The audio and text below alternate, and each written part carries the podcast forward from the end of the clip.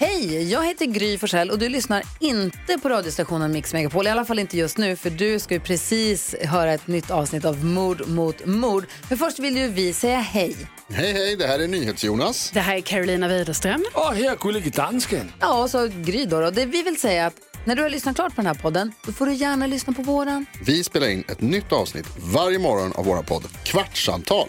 Och hela radioprogrammet blir ju också en podd om man är väldigt morgontrött eller så. Just det, om man missar morgonen ja. Men mest av allt så får du gärna lyssna på programmet i direktsändning varje morgon på Mix Megapol. Live varje morgon från klockan sex och då har vi med oss massor med vänner också. Thomas Bodström, Babben Larsson, Johan Pettersson, Christian Luuk.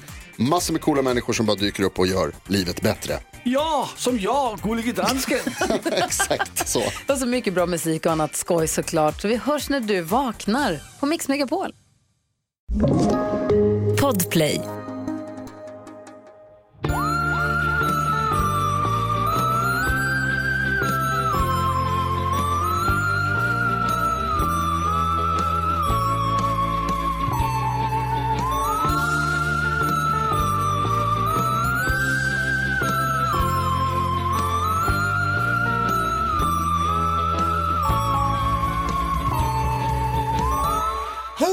Och hjärtligt välkomna till veckans avsnitt av Mord mot mord. Hallå! Hej! Hej! Jag, Jag men I framtiden så ska vi ha någon som gör det där introt åt oss. Vem är din eh, dröm?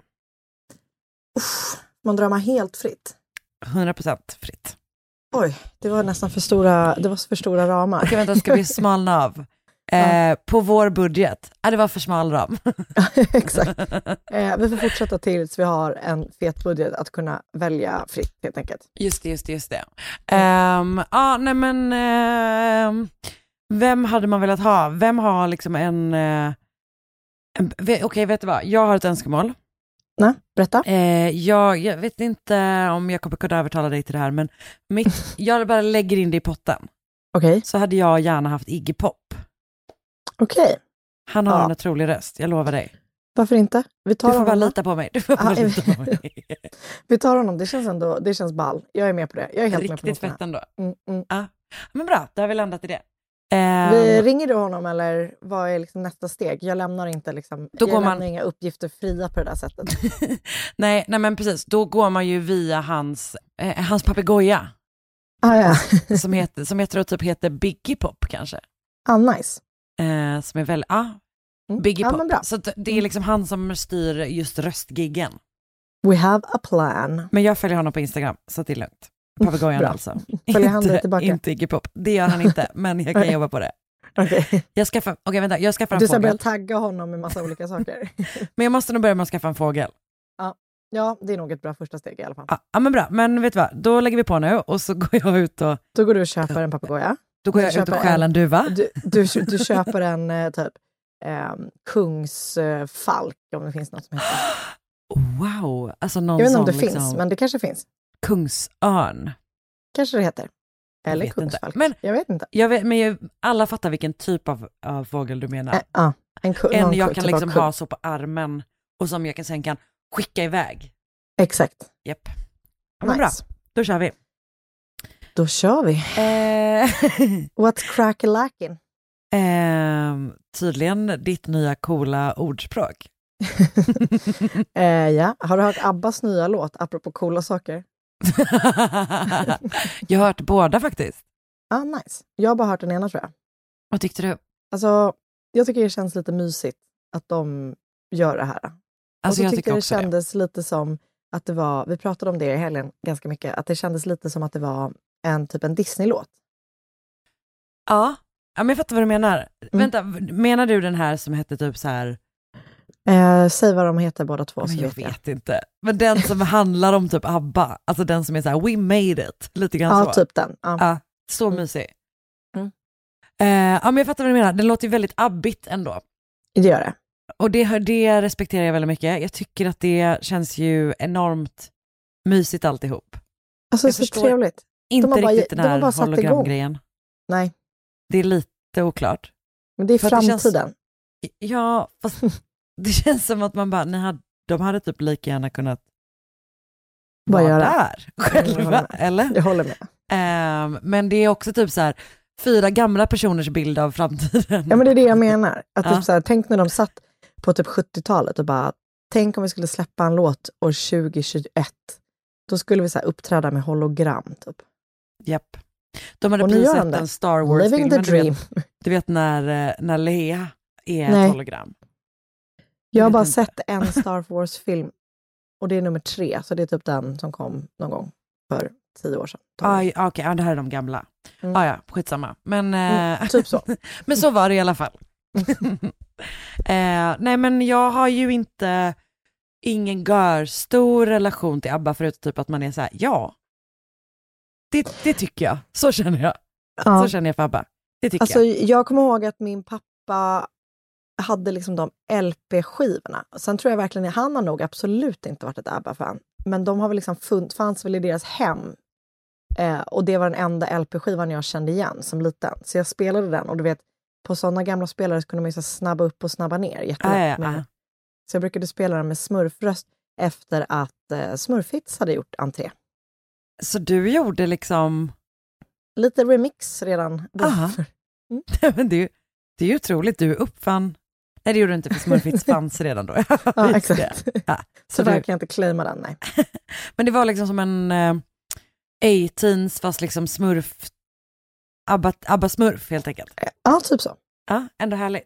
Ehm, nej men jag tror att, eh, jag vet inte, jag tycker bara det, det känns ju så, det känns cleant på något sätt att de ändå är så här, ja men vi kan väl vara i studion lite grann tillsammans. Jag Mm. gillar det. det gör Jag gillar det också. Ja. Ehm, Det Ja. var liksom eh, min spaning från verkligen den här veckan.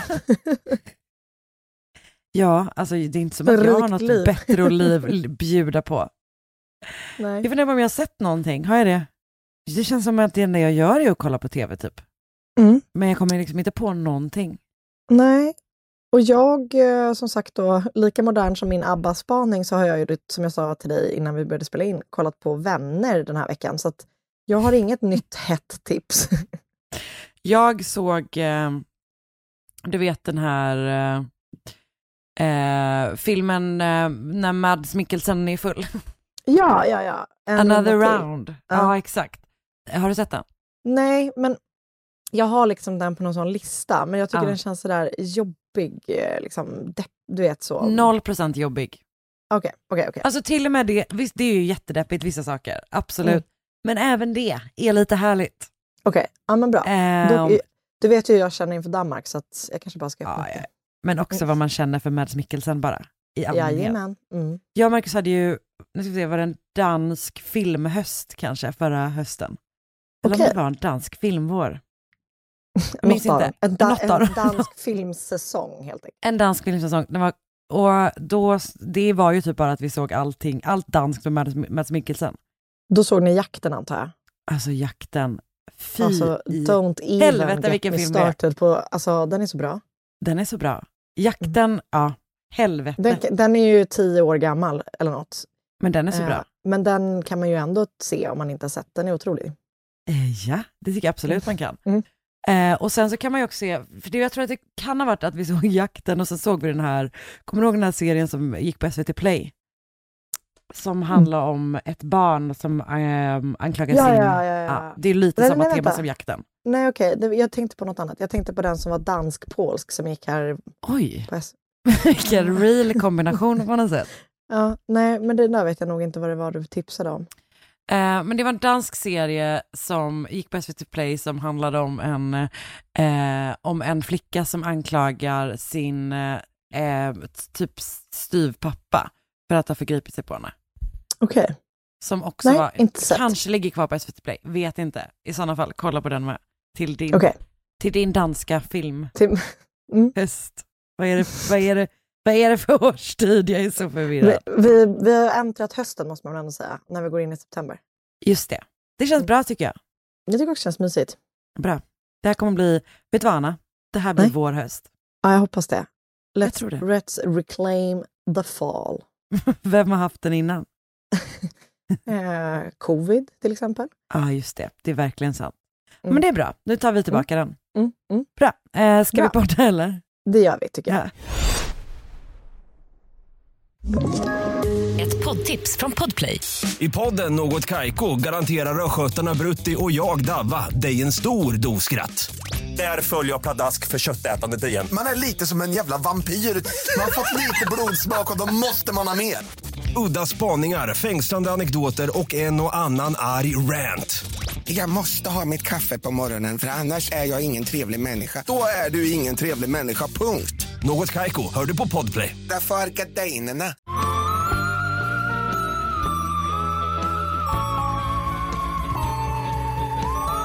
1961 föddes en flicka vid namn Susan i Matewan, tror jag man säger. Jag har valt att köra på det uttalet. Eh, Ja. Så att Matewan i West Virginia i USA. Hennes pappa hade jobbat i en kolgruva men var arbetslös när Susan växte upp och hennes mamma försörjde sig som hushållerska eh, i en familj.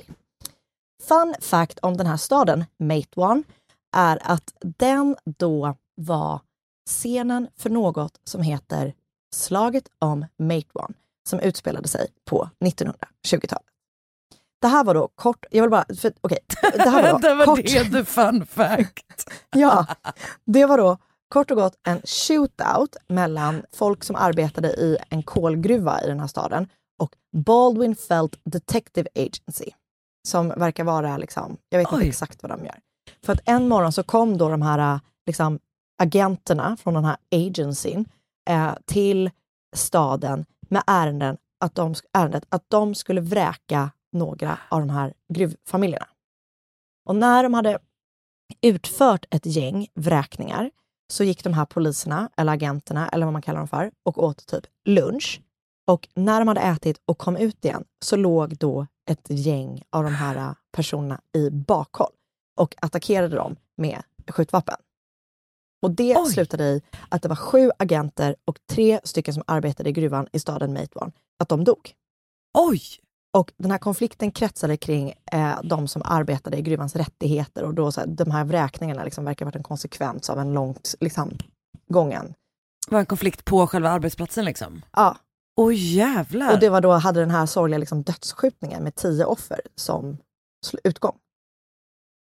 Och det Oj. är då mitt fall idag. Så tack för mig. Nej, men eh, så sjukt. Ja verkligen. Och det var ju då lite kort om staden som Susan föddes i.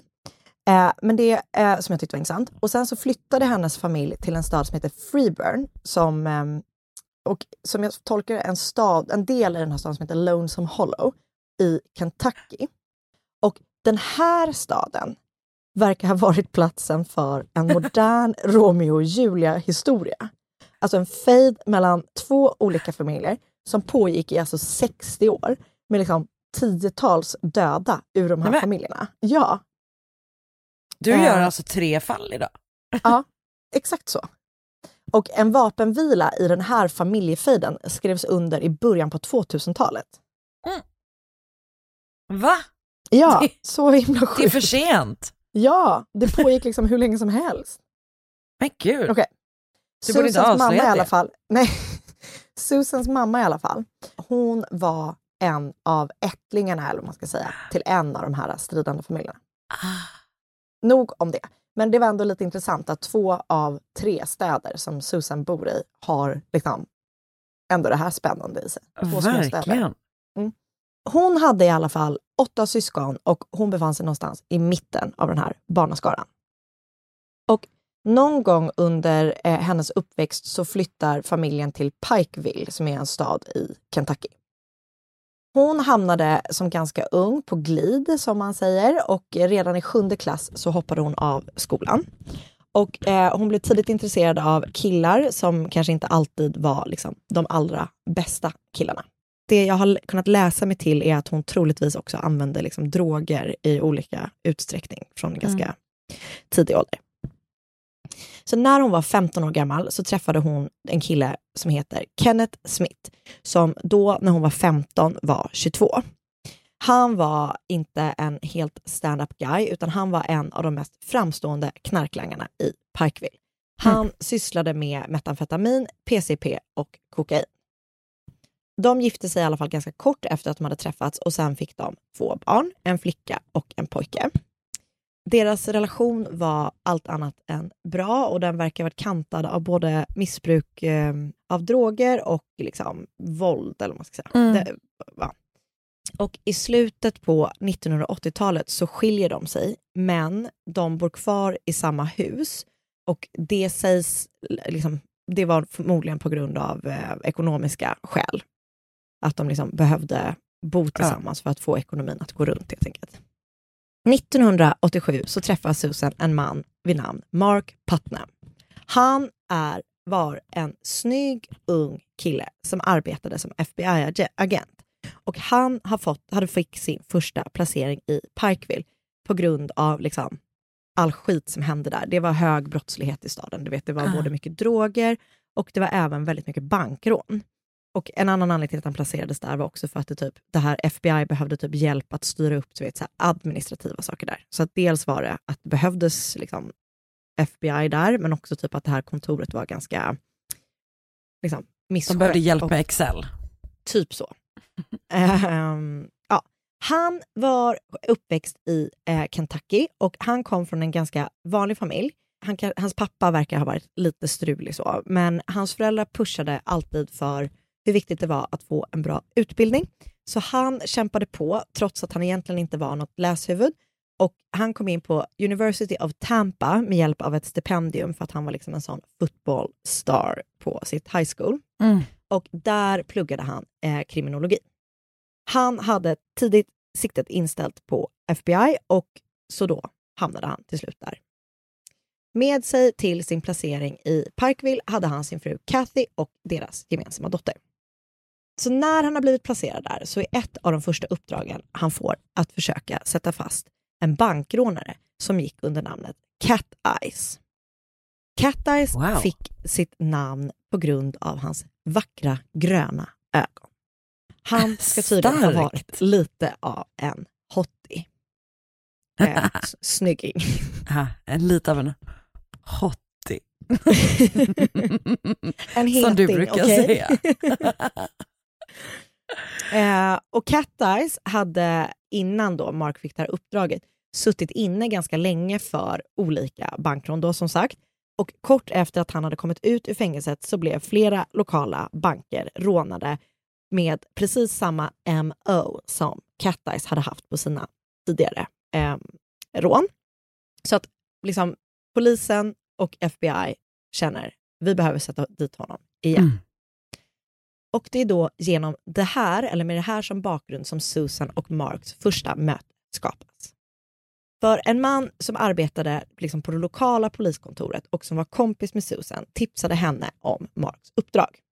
Han visste att Susan generellt hade liksom bra intel om många kriminella i staden med tanke på att hennes exman då, som hon fortfarande levde med själv, liksom var en Just kriminell person. Ja. Det visade sig till och med så att Cat Eyes vid tillfället slaggade på Susan och Kennets soffa. Hmm. Så hon har liksom tidigare hjälpt polisen med lite olika, liksom, med lite olika intel med utbyte mot pengar. Och hon tyckte då liksom att det lät väl toppen att eh, kunna göra samma sak med FBI. Så hon tar kontakt med Mark. Och Susan blir snabbt väldigt förtjust i. För han är ju då liksom snygg och ung och trevlig och sådär. Mm.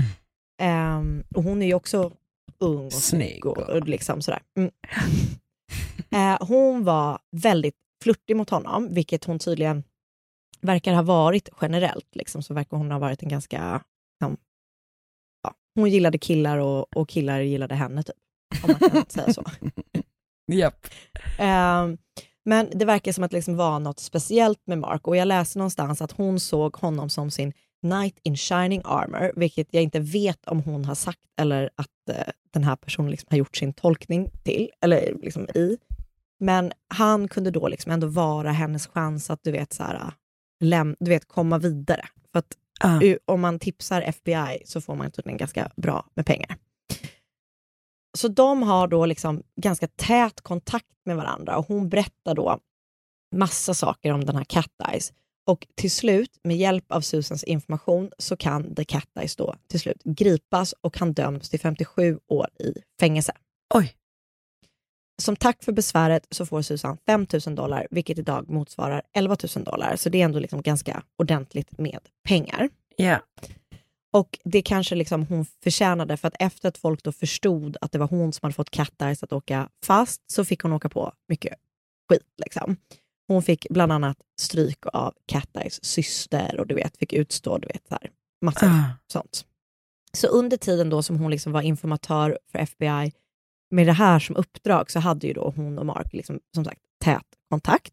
Så att när han väl har åkt fast så liksom, då lugnade det ner sig ehm, en hel del kan man ju säga. Men Susan liksom fortsätter att hålla kontakten med Mark och dyker upp du vet, hemma hos honom och på hans kontor i tid och otid och liksom vill ha kontakt. Och hon är även ganska burdus, eller vad man ska säga, i sin framtoning i att hon typ tycker att han är nice. Hon är inte så diskret. Nej, hon försöker liksom vid något tillfälle kyssa honom och du vet sådär. Ja. Och det här är trots att Susan har blivit god vän med Marks fru Kathy under tiden som hon och Mark har jobbat så nära varandra. Charmigt. Ja. Eh, och den här Kathy verkar liksom vara någon slags jättereko och schysst kvinna. Alltså du vet, hon är liksom hon verkligen tycker så här, det är fett synd om Susan för hon har liksom haft det jättetufft och du vet, hon, de, de liksom har så förtroliga samtal om både Kathy och Marks liv, om Susan, du vet de är nära typ. Ja. Men när Kathy blir gravid med parets andra barn så flyttar Kathy från Pikeville för att hon vill komma närmare hennes föräldrar som bor i Connecticut tror jag, liksom för att få hjälp. Och planen är då att Mark typ bara ska runda av det som han sysslar med i Pikeville och sen ska han då be om att få en omplacering. Eller liksom, planen är att han ska få en omplacering och Ja. då ska han sen kunna liksom ansluta med sin familj. Och Mark tycker även då att han och Susans kontakt har blivit lite too much. Så han är liksom glad att han ska flytta, för han, liksom, han känner sig färdig typ med Pikeville. Så han försöker avrikta henne, eller avvisa henne och få henne att rikta energin åt något annat håll. Bland annat då åt en av hans partners eh, Ah. som, som typ är sugen på Susan. Vilket det, det här känns ju liksom också helt stört att man beter sig så. Men ehm, han liksom är bara så här, eh, ska du inte typ ragga på min kollega istället? Nej, men. Men hon är liksom helt fokuserad och inställd på Mark. Men så någon gång under hösten 1988 så får Kathy ett samtal där det är någon som säger att hennes man har haft ihop det med Susan. Och det här är liksom avvisar Mark helt och hållet och i och med det så försöker han mer och mer intensivt försöka byta plats för sin placering. Eh, för han känner väl liksom att han måste därifrån bara. Mm. Och även Susan har börjat prata om att hon och Mark har ihop det, att de liksom har en relation med varandra. Eh, så det har börjat florera rykten som säger det här i staden Pikeville, som då även sprider sig till Kathy som är liksom någon helt annanstans. Ugh. Och så, så är det lite fram och tillbaka, lite olika saker som händer i Pikeville. Eh, och jag kommer inte gå in på allt dem, men Kathy är liksom in och ut ur, i, ur Pikeville och hon hjälper Mark med lite FBI-relaterade grejer. Och Mark fortsätter att försöka parera Susan och hennes liksom, gåpåighet, eller vad man ska kalla det för, och hans relation med sin fru, eh, som också har börjat knaka lite i fogarna. Och det har väl att göra med massa olika saker, typ att de bor i olika städer, det här ryktet har väl liksom planterat liksom tvivel hos Kathy på liksom vad han gör. Eh, Susan verkar vara väldigt intensiv och jobbig och han jobbar asmycket och du vet sådär. Det finns en och annan anledning. Alltså verkligen. Ja. Men så en vecka innan julen 1988 så har Mark och Susan stämt möte. För han måste liksom hålla henne nöjd, typ, för att han, hon ska fortsätta vilja jobba med honom. För han är fortfarande beroende av henne för att hon ska vittna i en rättegång och du vet sådär. Japp. Så att han hämtar upp henne med bilen och när de sätter sig i bilen så märker typ Susan att han är låg. Du vet. Hon bara, jag märker att det är något som tynger dig. Eh, och då är han så här, ah, men det är ingenting. Typ. Men så säger hon då att om han någon gång behöver tröst eller vad den kan tänkas vara så finns hon där för honom. Och sen så lutar hon sig in och kysser honom. Sen har de två sex i bilen. Nej. Enligt eh, källor så har de efter det, här till, efter det här första tillfället sex vid fem andra olika tillfällen under två veckor i hans bil. Okej. Och efter det så får panik, nej, Mark panik ännu mer. Liksom. Han är bara så här, vad har jag gjort? Jag kan typ inte riskera hela Han bara, min vad har jag karriär. gjort sex gånger om i min bil? alltså verkligen. A little too late, Mark. Verkligen. Men han då, han är liksom så här, han lämnar till slut Pikeville och han blir, för, eller han blir till slut förflyttad till Miami och flyttar från Pikeville hem, och med sin fru då och barn. Men trots att han är då liksom i en annan delstat och du vet sådär, så fortsätter Susan att ringa hem till Mark och Kathy. Äh. Dels för att prata med Mark och liksom hålla sig du vet, framme där, men även för att prata med Kathy. Och när hon pratar med Kathy så fortsätter hon att prata om Mark och Kathys relation. Och du vet, hon går verkligen över gränsen. Alltså jag, jag vet inte om hon liksom säger rätt ut vad som har hänt, men hon liksom gör Kathy väldigt, väldigt osäker. Jag tycker Eh, synd om Kathy. Det här är en vidrig Ja. situation. Det är verkligen vidrigt alltså. Och tyvärr verkar det liksom verkligen gå ut för Susan i samma veva som det här. Hon har ju liksom haft en, en historia av, att, eh, av missbruk och eh, hon har liksom börjat missbruka både piller och eh, eh, kokain. Mm. Hon är liksom eh, helt pank för att hennes, hon har gått på sån welfare check men liksom den täcker ju inte allt och hennes liksom informatörsgig eller vad man ska kalla det för är liksom inte tillräckligt och så. Så hon Nej. börjar som en följd av det, till det här också försörja sig som sexarbetare. Så i april 1989 så ringer Susan till Mark. Hon säger att hon har någonting hon vill berätta. Hon är nämligen gravid med Marks barn och hon undrar vad han ska göra åt saken. Och i samtalet så är det typ att han bara, men alltså är du verkligen säker på att du är gravid med mitt barn? Och då är hon typ så här, ja det är jag. Liksom. Och då säger han så här, men jag, jag ska komma till Pikeville för att delta i den här, en rättegång. Liksom. Så att Ah. jag kommer snart dit så vi får prata mer om det här när jag är där. Jag kan liksom inte ta ställning till det här nu. typ. Uff. Så när Mark kommer till Pikeville så träffas de då och Susan är då gravid och barnet är Marks. Och hon vill behålla det här barnet och vill att han ska lämna sin fru. Och han vill ju inte alls det. Alltså han har ju inget som helst intresse av att liksom, han har, ja, han, för honom är det ett snedsteg som händer då ett upp, upprepade antal gånger ändå. Men eh, han, han är också lite så här, men det här kan inte ens stämma att det är mitt barn. För liksom, vi, vi, hon är liksom, där hon befinner sig i sin graviditet Ja. kan inte stämma med du vet, då det skulle ha blivit till om det var då de eh, hade Nej, just det. sexuell relation med varandra. ja, jag fattar. Så att han är lite så här, jag tror inte att det är mitt barn. Och hon bara så här, jo det är det, det är det, det är det. Liksom. Så hon, hon, han är så här, jag skulle gärna se att du gör abort. Liksom. Och hon blir då jättearg när han säger det. Och då säger han så här, okej, men om du vägrar göra abort så eh, kommer jag vilja att vi gör ett faderskapstest eh, när barnet kommer. Och om barnet då visar sig vara mitt så kommer jag ta ansvar för det här barnet, men jag kommer då vilja göra det tillsammans med Kathy och att hon adopterar barnet så får vi Oj. liksom uppfostra det tillsammans med våra andra barn. Okej, Och det här vill ju verkligen Inte inte. Susan. nej såklart. Nej. Så hon hotar då liksom med att berätta för Kathy om sin eh, graviditet. Och liksom, de kan typ inte landa i vad de ska göra. Eller vad man ska säga. De vill Nej. helt enkelt för olika saker.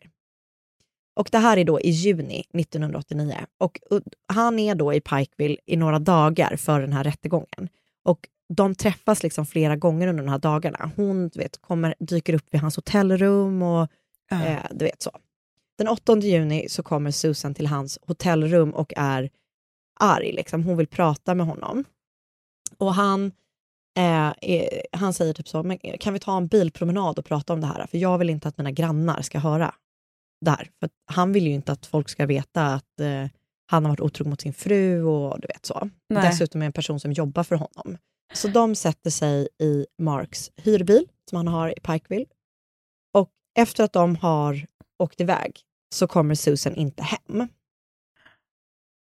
Och när det har gått tre dagar efter att någon senast sett Susan så blir hennes syster jätteorolig såklart. Ah. Så hon anmäler Susan försvunnen.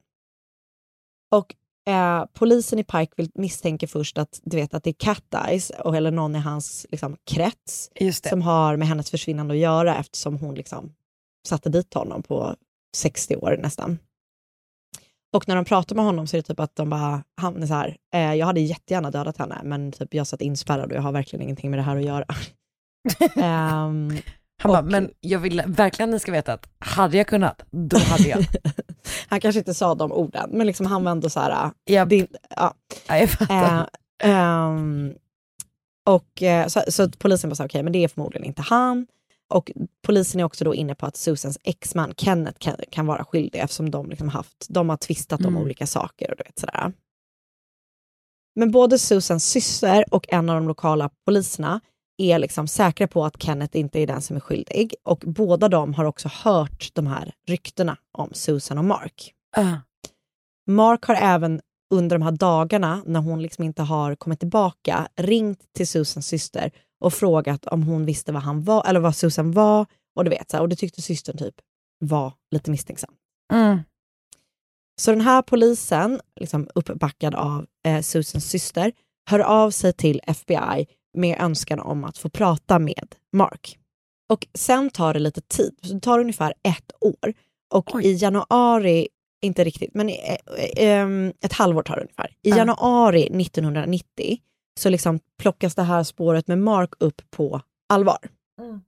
Eh, du vet, det blir en utredning i Pikeville eh, och Mark plockas in eh, på ett förhör. Mm. Tydligen så har han även själv pushat för att eh, det ska utföras en internutredning kopplat till honom, vilket, eh, ja, jag kommer lite bättre. Ja. Och i förhöret så slarvar han typ lite med orden. Jag läste någonstans att, att han failade då ett lögndetektorstest och någonstans att han liksom, du vet, trasslar in sig i sina ord. För att han får frågan om han visste hur gammal Susan är och då svarar han att hon var 28 år. Ah, just det. Och sen efter det så liksom, det är lite olika omständigheter, liksom det händer lite olika saker. Men sen blir det lite som att öppna en kran. Han vill liksom verkligen berätta vad som har hänt. Eh, du vet, hans advokat är typ så här, det finns ingen, du vet, det finns ingen kropp, de har inte hittat henne, så du vet, de har inget case. Men han är bara så här, jag vill liksom berätta vad som har Ah. hänt. Så då kommer det i alla fall fram att när Mark och Susan har kört omkring uppe i bergen runt Pikeville den 8 juni 1989 så eh, sitter de då och pratar om hur de ska liksom, hantera den här situationen. Mm. Och Susan blir såklart supersårad av att Mark inte vill ha någonting med henne att göra. Och eh, det här faktumet liksom att eh, han säger att om det är hans barn så vill han uppfostra det med Kathy. Han vill liksom inte ha någonting med henne att göra. Så hon blir arg och sårad och väldigt utåt, alltså hon liksom, hon både, hon blir, hon, de börjar bråka Ah. eller man ska säga, verbalt och hon, fysiskt. Hon börjar liksom slå honom och du vet rivit honom och sådär.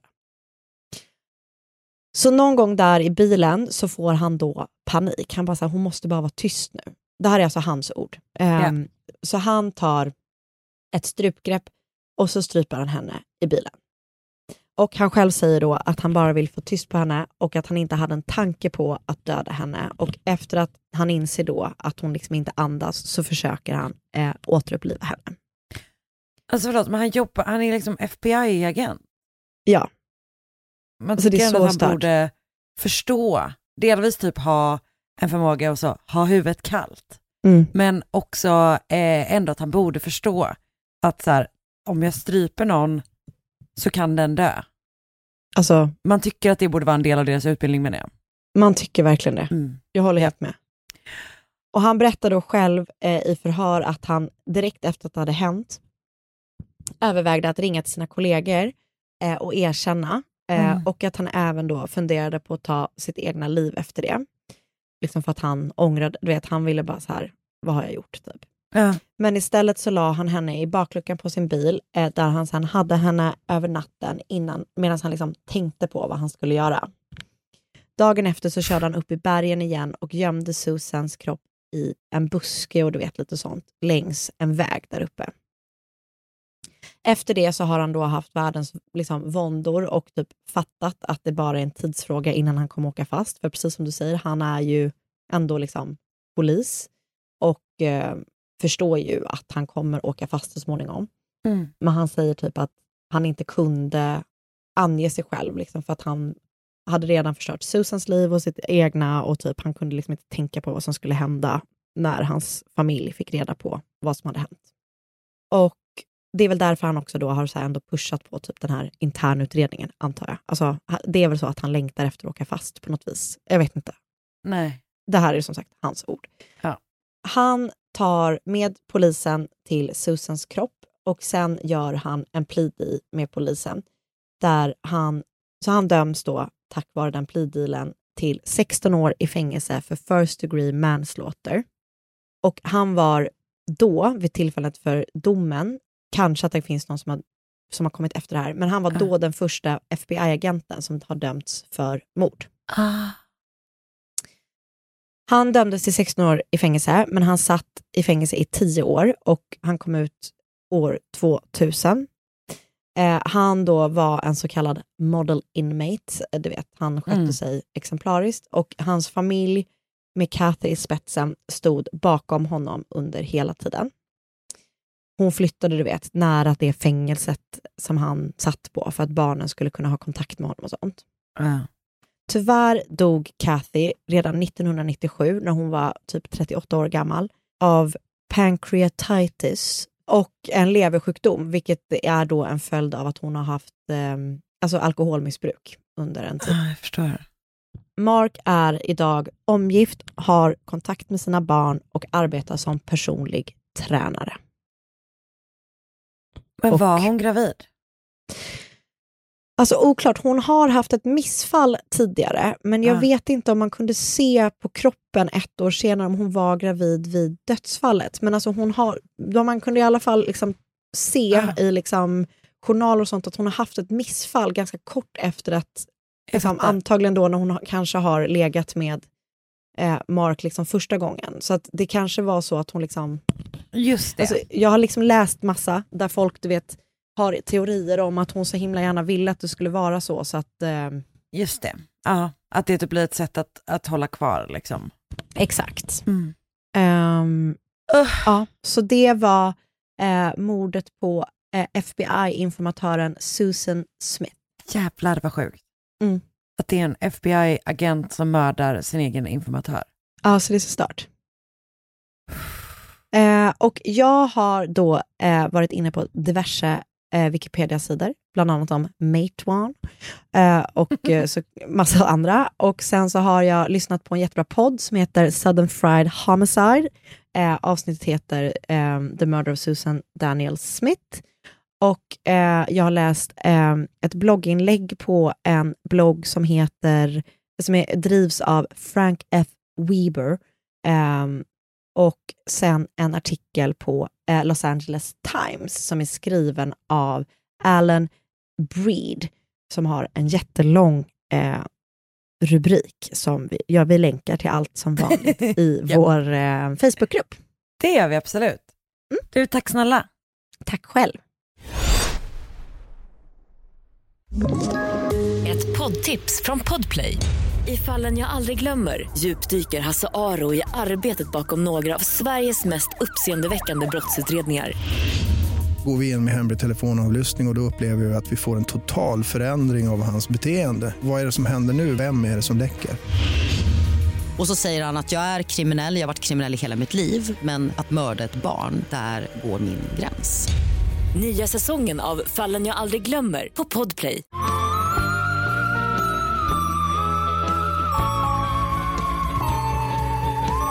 Det är tidig eftermiddag den 10 juli 1973. Och vi befinner oss på typ en samlingsplats, eller typ ett kontor, eller typ en station för Mhm. eh, räddningstjänsten i centrala Prag. Okej. Och det har varit en väldigt lugn dag hittills, så alla som jobbar är liksom i lokalen, det är inga så här utryckningar.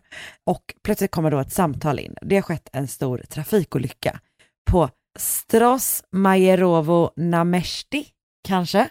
Det lät bra. Mina öron. Det, det är, tackar, tackar. det är ett torg i alla fall, som eh, ligger typ runt hörnet från den här stationen. Så att de är liksom väldigt nära den här platsen. De är så nära att de bestämmer sig för att det allra snabbaste är att springa dit. Okej. Vilket Ändå är det intressant val. det är en intressant utryckning Mm. som de kör på. Så att de springer sex personer dit, varav en är läkare. Och på den här platsen, på det här torget, så är det liksom fullt kaos.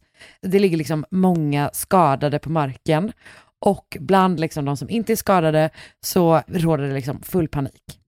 Och en liten bit liksom utanför den här folksamlingen där alla liksom bara har total panik så står en typ en mindre lastbil som är liksom Mhm. kraschad, så här kvaddad typ. Och man förstår då att den här lastbilen måste liksom ha kraschat in i folkmassan. Ehm, det här är precis framför en spårvagnshållplats. Mhm. Så att uppenbarligen har liksom en, en, den här lastbilen kört liksom in i den här hållplatsen typ. Mm. Och vissa eh, i det här utryckningsgänget tar då hand om de skadade eh, medan andra liksom tar sig fram till bilen och öppnar dörren. Och i bilen sitter en ensam ung kvinna och hon är liksom alldeles tyst. Så de frågar så här, de bara, "Ho- har, har du somnat vid ratten eller är det så här, är det något fel på bilen? Liksom, vad, vad är det som har hänt? Och efter ett tag så svarar då den här tjejen att så här, det är inget fel på bilen. Hon har varit vaken hela tiden. Utan hon har kört in i folkmassan med mening. Nej. Som hämnd för hur samhället har behandlat henne. Okej. Och hon heter Olga Hepnarova och kommer snart bli känd som en av Tjeckiens värsta massmördare någonsin. Och hon har då dödat åtta personer och skadat tolv. Shit. Ehm, Olga föddes den 30 juni 1951 i Prag och hon föddes in i en medelklassfamilj. Hennes pappa var bankman, hennes mamma var tandläkare och hon hade då en äldre syster. Mm. Och hon upplever hela sin uppväxt att hennes äldre syster behandlas mycket, mycket bättre av deras föräldrar än vad hon gör. Okej. Och hon kommer senare typ säga så här att hennes mamma och pappa behandlade henne som att hon så här, hon inte var deras barn utan att hon typ var ett hittebarn som de inte brydde sig om. Mhm. Hon säger att hon får skulden för allt som händer hemma hos dem och beskriver sig själv som en, det, här är en direktöversättning, mänsklig fotpall. Okej. Vad hemskt ändå. Ja. Ja, jag vet. Det är verkligen eh, deppigt att känna sig som en mänsklig fotpall. Mm. Och hennes mamma så här erkänner typ senare typ att hon och hennes dotter inte alltid så kom överens. Men det är ju liksom svårt att Men veta det gör vad man som... väl inte? Nej, och eh, hennes dotter uppfattar ju inte alls det som att det liksom inte är att de kommer överens, utan hon uppfattar det som att hennes föräldrar är jätte, jättehemska mot henne under hela Mm. hennes uppväxt. uppväxt. Och att hon liksom är, alltså de är verkligen vidriga mot henne typ. Mm. Men Olgas problem så här, som hon då har hemma märks liksom till en början åtminstone inte utåt. Utan hon är ett barn som så här, inte väcker någon större uppmärksamhet i skolan. Okej, typ så här, hennes kompisar tycker att hon är lite konstig. Men hon Mhm. är så här, du vet, inte superbra, inte superdålig i skolan, utan det, det är lite så under radarn person liksom. Ja. Åtminstone typ tills när hon är liten. När hon kommer in i tidiga tonåren så blir det sämre och sämre för Olga. För att hon blir sjuk och det verkar lite oklart vad hon blir för typ av sjuk, men hon, liksom, hon mår psykiskt väldigt, väldigt dåligt. Mhm. Och hon går allt mindre i skolan och hon får svårt att typ kommunicera med andra runt omkring henne. Och hon börjar medicineras för någon slags psykisk sjukdom redan när hon är typ 13 år gammal. Mhm. Och samma år, så det är sommaren 64, så försöker hon då begå självmord. Och efter det så använder hennes mamma sina kontakter för att placera henne på en stängd psykiatrisk klinik. Mhm. Så hennes familj placerar då henne på det här sjukhuset där hon liksom stannar ett helt år. Och vissa av eh, alltså källorna som jag har läst säger då att hon typ misshandlades av typ en vårdare på den här kliniken. Eh, men oavsett om det var så eller inte så har hon liksom hamnat på en avdelning där det sitter svårt sjuka eh, vuxna. Mm. Och hon är liksom 13 år gammal. Ja. Så det måste varit liksom en fruktansvärd Hemskt, situation för verkligen. henne. Och hon försöker också fly från det här sjukhuset men liksom hittas och typ tas tillbaka och där ger de henne lugnande mediciner. Alltså, alltså man, man liksom drogar henne ganska grovt liksom för att hon inte ska då försöka fly igen typ. Mm. Så att det är uppenbarligen en fruktansvärd situation som Ja. hon är i under det här, det här året liksom. Och upplever sig nog jätteövergiven av sin familj liksom. Mm. Och vad jag förstår så diagnostiseras hon inte med någon sjukdom under den här tiden, utan de läkare som liksom eh, undersöker henne anser att hon är frisk. Mhm. Och typ att det inte, så jag vet inte, jag, jag, förstår liksom inte riktigt vad som händer, men enligt hennes journaler så är det inte det att hon, att hon så här diagnostiseras med en sjukdom. Och de typ kollar på ett gäng olika så här, saker med henne. På hennes Mm. tjeckiska wiki så står det att hon var, när hon var 14 så rökte hon fem cigg om dagen. Eh, det tycker jag typ inte räknas som en, alltså det är ingen grav psykisk sjukdom i alla Nej, fall. det Det är kul typ att det står i samma stycke som det typ så här, hon hade ingen sjukdom, där står också att de har så här, att de har typ undersökt hennes sexualitet och att hon inte är, ehm, att hon inte är typ är eh, homosexuell eller heterosexuell och hon röker fem cigg om dagen. Oklart. Okej. Så Olga kommer ut från sjukhuset och hon går tillbaka till skolan och liksom avslutar grundskolan och sen läser hon till bokbindare. Eh, Alltså, är, det känns coolt. fett på något sätt. Eh, men hon flyttar hemifrån redan som tonåring och börjar liksom så här klara sig själv. Mhm. Och eh, hon blir ganska tidigt så här allt ensammare. Hon har ett gäng relationer med både män och kvinnor, eh, men de är liksom så här kortare. Jag- uppfattar det som att hon är ihop med folk, men att det liksom inte blir några långvariga relationer av Nej. det. Mm. Eh, och på samma sätt så har hon också svårt att liksom så här behålla ett jobb någon längre tid, utan hon hoppar typ mellan olika anställningar. Mhm. Det verkar som att hon överger bokbinderiet och blir istället eh, typ lastbilschaufför. Och eventuellt också att hon jobbar någon period i kollektivtrafiken, alltså att köra, som jag Okej. förstår det. Mm. I slutet av 60-talet så flyttar Olga i alla fall tillbaka till sina föräldrar under en period, men det gör då bara allting mellan dem ännu värre. Hon Mm. börjar verkligen hata sina föräldrar och blir allt mer liksom obsessed vid tanken på att så här, hämnas på dem. Okej. 1970 så har hon eh, en plan för det här. För hennes pappa har då ärvt en gård som typ ligger så här nära gränsen till Polen. Och det verkar som att det är lite grann så här familjens sommarstuga typ, eller sommarställe liksom. Och sommaren 1970 så är Olgas syster på gården tillsammans med ett äldre par som, om jag förstår det rätt, hyr in sig där typ. Mhm. Och morgonen den 7 augusti så vaknar alla tre av att det brinner i huset. Och att det brinner liksom vid ytterdörren till huset. Och de lyckas här, släcka den här elden. ehm, och det är väldigt här, små skador på huset. Det typ, i, kostar ingenting att återställa liksom. Men det ingen vet då, men som kommer visa sig långt senare, är då att det är Olga som ligger bakom den här branden typ. Mhm. Så hon har typ tagit en taxi från Prag och sen gått till fots aslångt. Eh, och sen liksom kastat en flaska bensin mot dörren till då eh, huset där hennes syster typ ligger och sover. Eh, och tänt Okej. på. Men i och med att så här, ja, men det blir ingenting av det och det är aldrig det, hon misstänks aldrig för det här heller. Eh, men det är liksom första gången hon så här, utför någonting som är eh, i hämndsyfte typ. Mhm. Och de kommande åren då så drar hon sig undan allt mer från sin familj. Hon säger typ upp bekantskapen med dem så här en efter en liksom. Och det verkar som att hon har kontakt med sin mamma längst, för hon hjälper Olga att köpa en, jag förstår det som att det är typ en liten så här färdigbyggd stuga. Mhm. Eh, som hon typ köp, liksom köper med hjälp av sin mamma och sen placerar hon den i en by utanför Prag och bosätter Okej. sig där permanent typ. Okej. Eh, och då blir hon förstås liksom bara mer och mer isolerad och hennes typ hat mot sin familj, mot samhället, mot typ alla människor bara växer. Hon blir liksom mer och mer paranoid och uppfattar det verkligen som att typ alla är ute efter henne. Och i och med det så börjar hon liksom fundera på att göra något som liksom hämnas på världen typ för allting som den har gjort mot henne. Hon Ja. är liksom övertygad om att världen vill henne illa och hon vill liksom slå tillbaka typ. Mhm.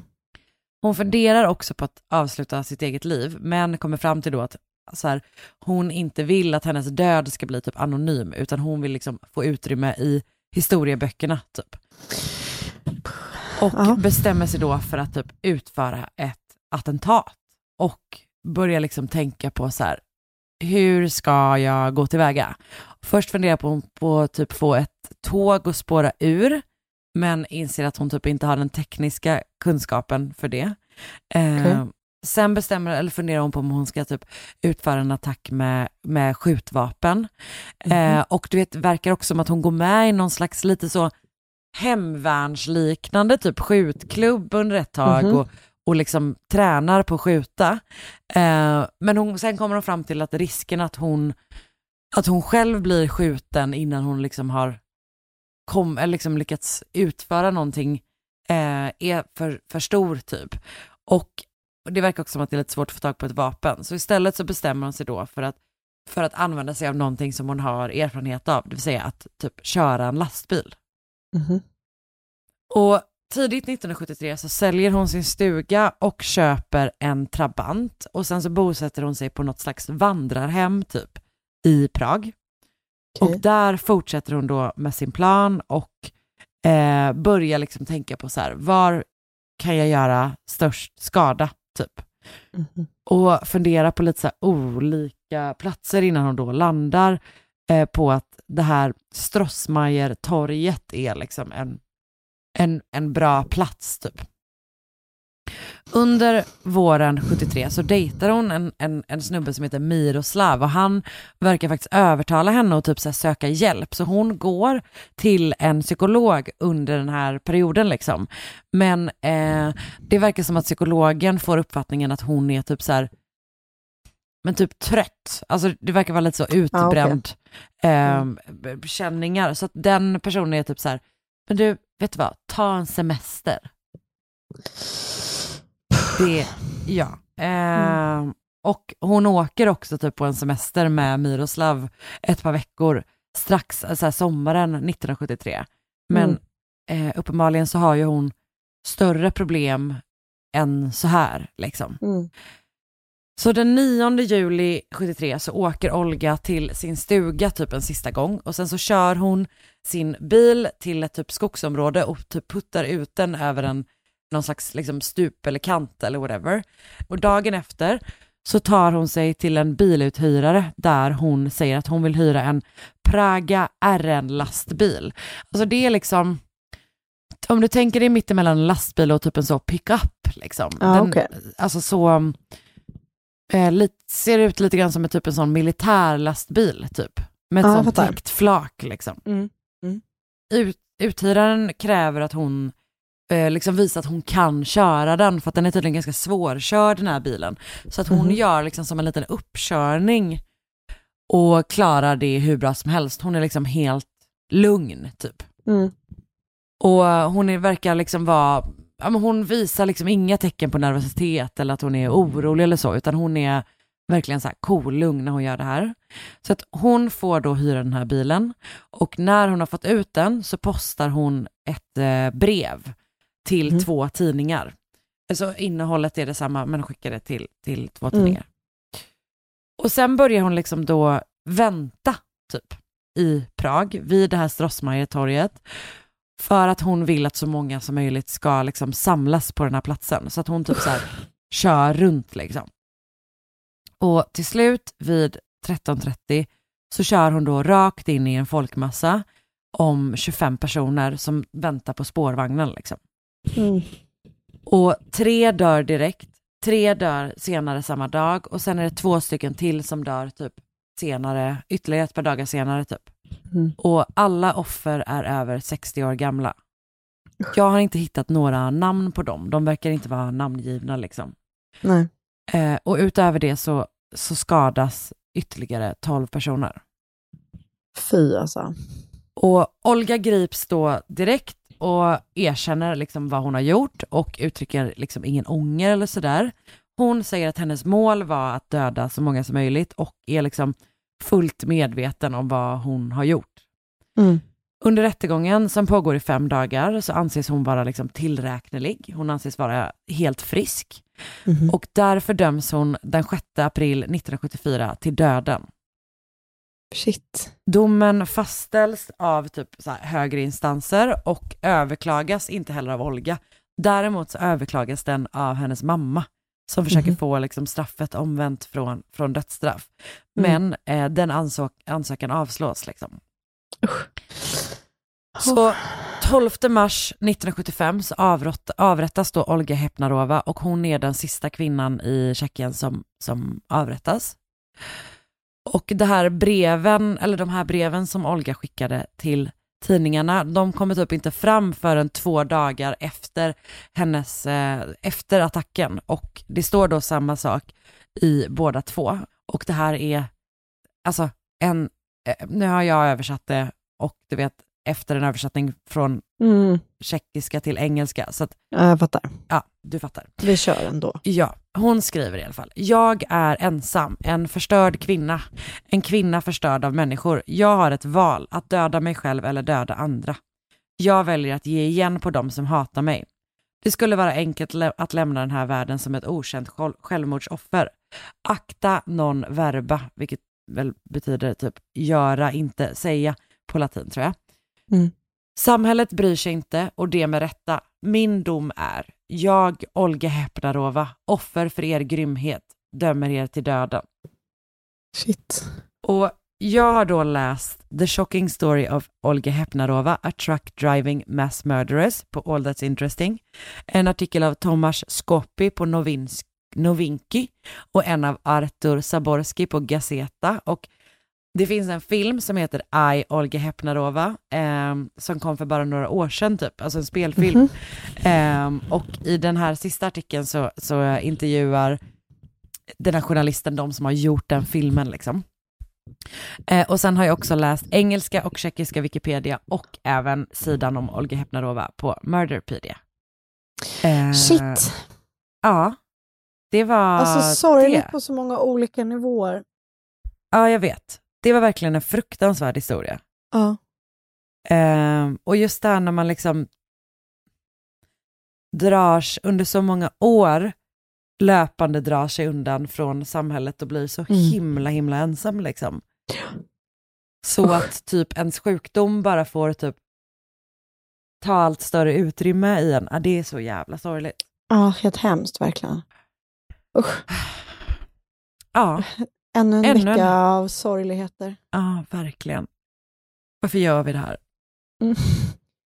Okej, det var sista avsnittet av Mord mot mord. Ni hörde. Jag skojar. Det var det ju inte. Vi hörs ju nästa vecka igen. Vi hörs ju nästa vecka. Ehm, och tills dess får ni ha det så jättebra. Det får ni verkligen ha det. Hej då! Hej då! Ett poddtips från Podplay. I fallen jag aldrig glömmer djupdyker Hasse Aro i arbetet bakom några av Sveriges mest uppseendeväckande brottsutredningar. Går vi in med hemlig telefonavlyssning och, och då upplever vi att vi får en total förändring av hans beteende. Vad är det som händer nu? Vem är det som läcker? Och så säger han att jag är kriminell, jag har varit kriminell i hela mitt liv men att mörda ett barn, där går min gräns. Nya säsongen av Fallen jag aldrig glömmer på Podplay.